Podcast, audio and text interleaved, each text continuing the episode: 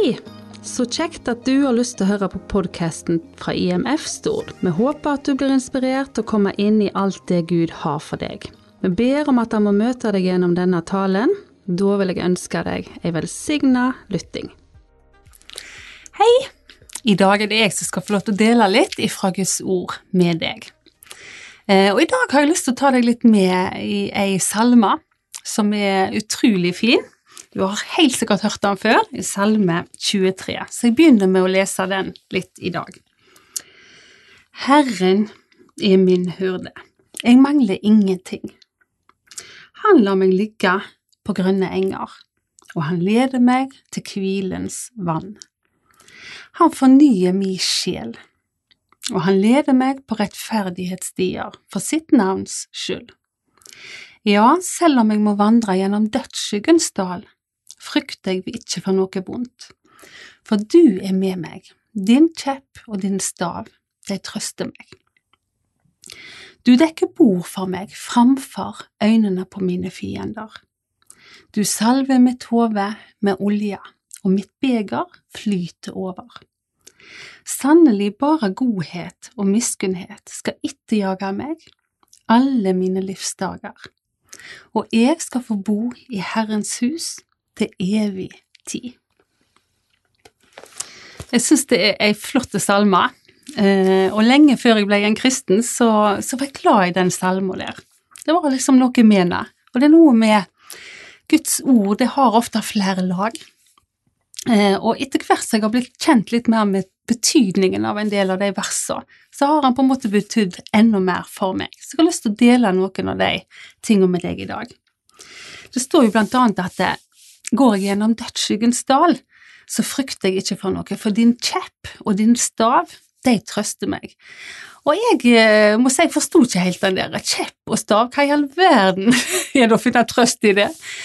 Eh, men så lærte jeg litt historien rundt, eh, og David som har skrevet denne salmen, han var jo en hurde, en gjeter som passte på sauene.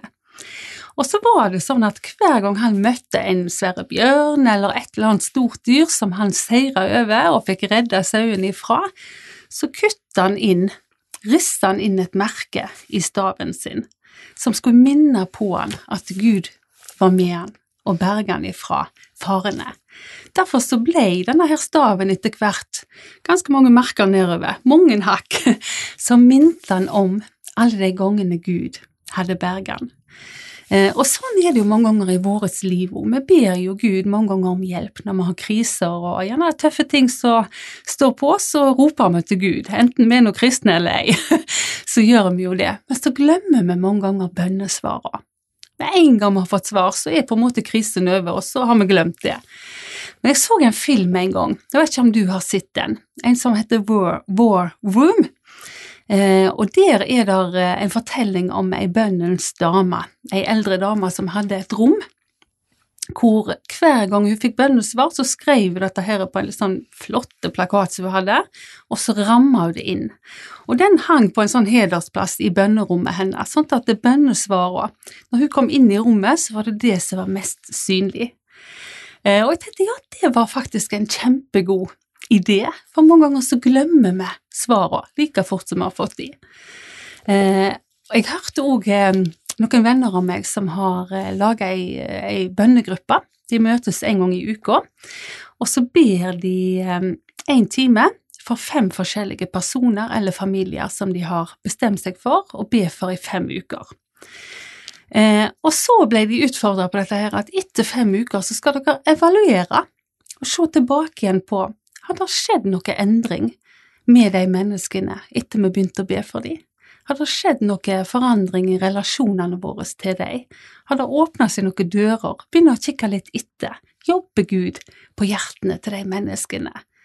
Eh, noen var ektepar, for eksempel i krise, så det ut som det har endra seg. Det er ulike behov vi ber for, men de ble jo så oppmuntra når de satte seg ned og skulle evaluere, og de så egentlig alt Gud gjorde og alle dørene han åpna, relasjoner inn til mennesker som gjerne hadde vært vanskelige. Så det der å kikke etter bønnesvarene er en fantastisk mulighet som vi blir minnet på i Salme 23. Vi har så lett for å glemme det. Skal vi se står det videre noe her at eh, han salver hodet vårt med olje. På den tida David skrev disse salmene, så var det jo vanlig at hyrdene de smurte et ganske tjukt lag med litt sånn tjuktflytende salve på hodet til sauene. Eh, for i den tida der så var det sånn at det var noen parasitter, de lever jo ennå, men vi har andre ting for det i dag, men noen parasitter så fort kan kunne feste seg i eh, holdt jeg på å si, ullet på sauene, og spesielt rundt hodepartiet. Og når først de festa seg, så irriterte de sånn sauene at de rett og slett de holdt på å tørne. De fikk ikke ro, de fikk ikke hvile, de bare gikk og gikk og gikk, og til slutt så ble de rett og slett utmagra og døde av det. Så derfor så smurte da hurden denne her salven. Og sånn kan det jo mange ganger være hos oss òg. Jeg syns jo dette med hodet er et, egentlig et fantastisk godt bilde, for det er jo mange ganger her mellom disse to ørene at kampen vår står. Det er ofte på sinnet vårt at plagene kommer. Og vi kan jo kjenne på det alle nå i disse tidene vi har levd i med korona og alle bekymringer og ting som lett kan ta overhånd. At det blir liggende at vi ligger og kverner på det dag og natt, og det eneste vi gjør er å få med oss nyheter, sant, holde oss oppdatert. Og da kan fort kampen komme i sinnet vårt, at vi rett og slett ikke får fred. Så det der å ja, beskytte sitt sinn, og det er det mange måter vi kan gjøre på, men jeg tror Gud minner oss på det i denne salmen òg, at han ønsker å beskytte sinnet vårt, han ønsker å fylle oss med gode tanker, gode ting.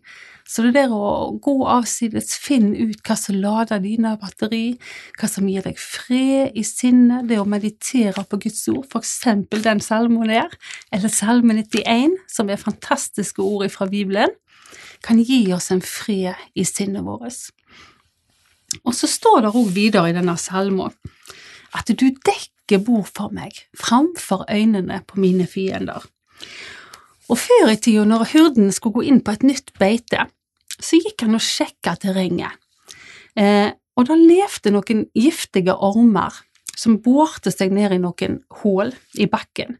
Og det er jo ofte litt sånn godt skjult, sant? at når sauene da gikk og beita der, så kom slangen opp, og så beit han sauene med et giftig bet, og så døde de. Det ble et lett bytte, for de gikk og gressa og ante fred og ingen fare.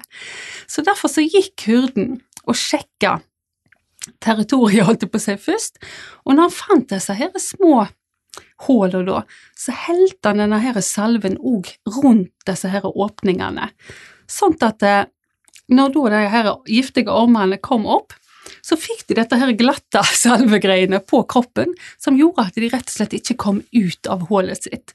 Og derav så titta de opp, så de kunne se på sauene mens de beita, men de kom ikke på en måte ut av hullet, da. Så dermed så skrev David det bildet der. Du dekker bord for meg framfor mine fienders øyne.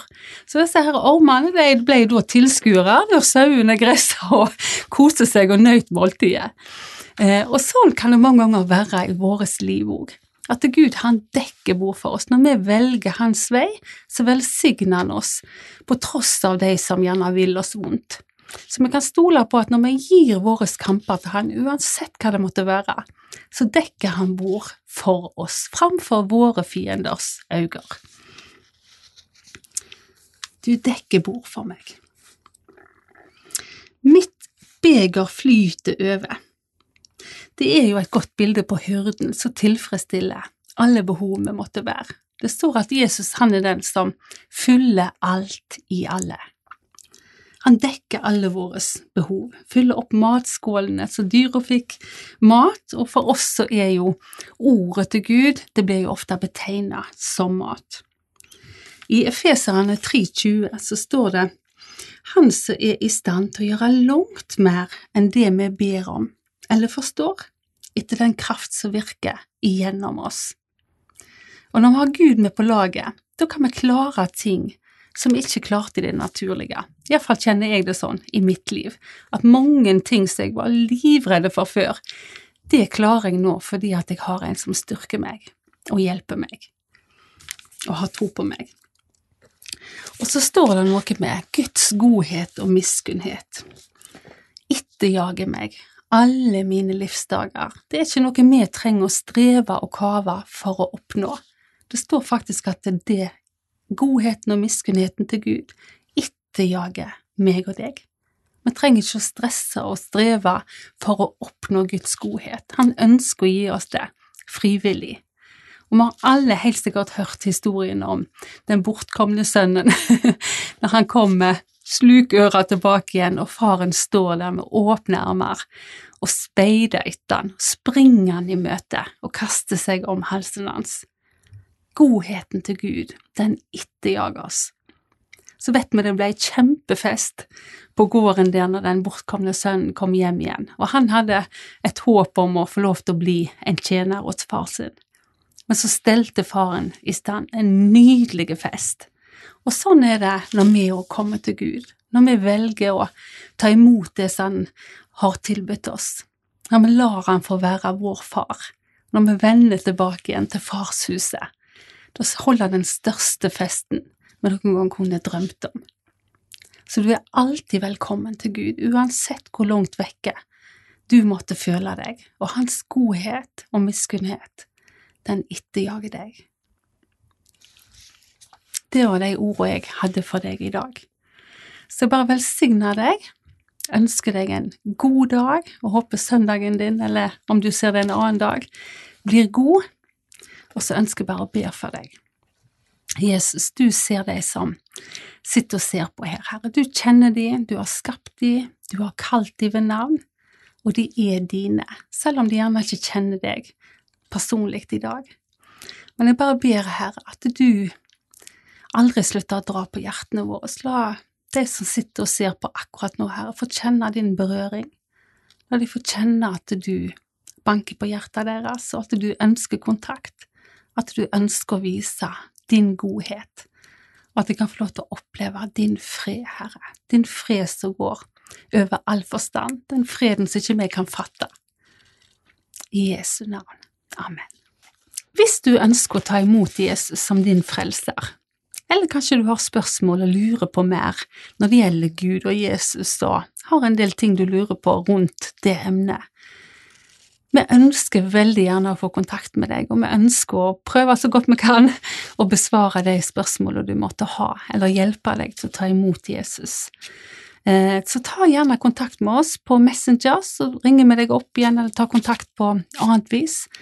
Og så ønsker vi å gå videre i lag med deg på veien. Du er hjertelig velkommen i fellesskapet vårt. Vi har små grupper, og nå møtes vi jo helst på skjerm, men det går an å bli med i fellesskap, så vi møtes i hjemmene.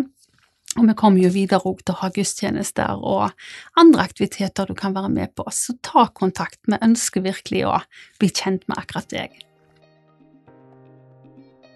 Da håper jeg du ble møtt av Gud gjennom denne talen. Husk han har kun det beste for deg. Vi vil òg benytte muligheten og ønske deg hjertelig velkommen til våre samlinger på Lærvik bedehus. Og mangler du et kristen fellesskap, er du velkommen til IMF Stord. Besøk oss gjerne på vår Facebook-side eller på vår hjemmeside imfstord.no for mer info. Ha en velsigna dag, da, og takk for at du lytta.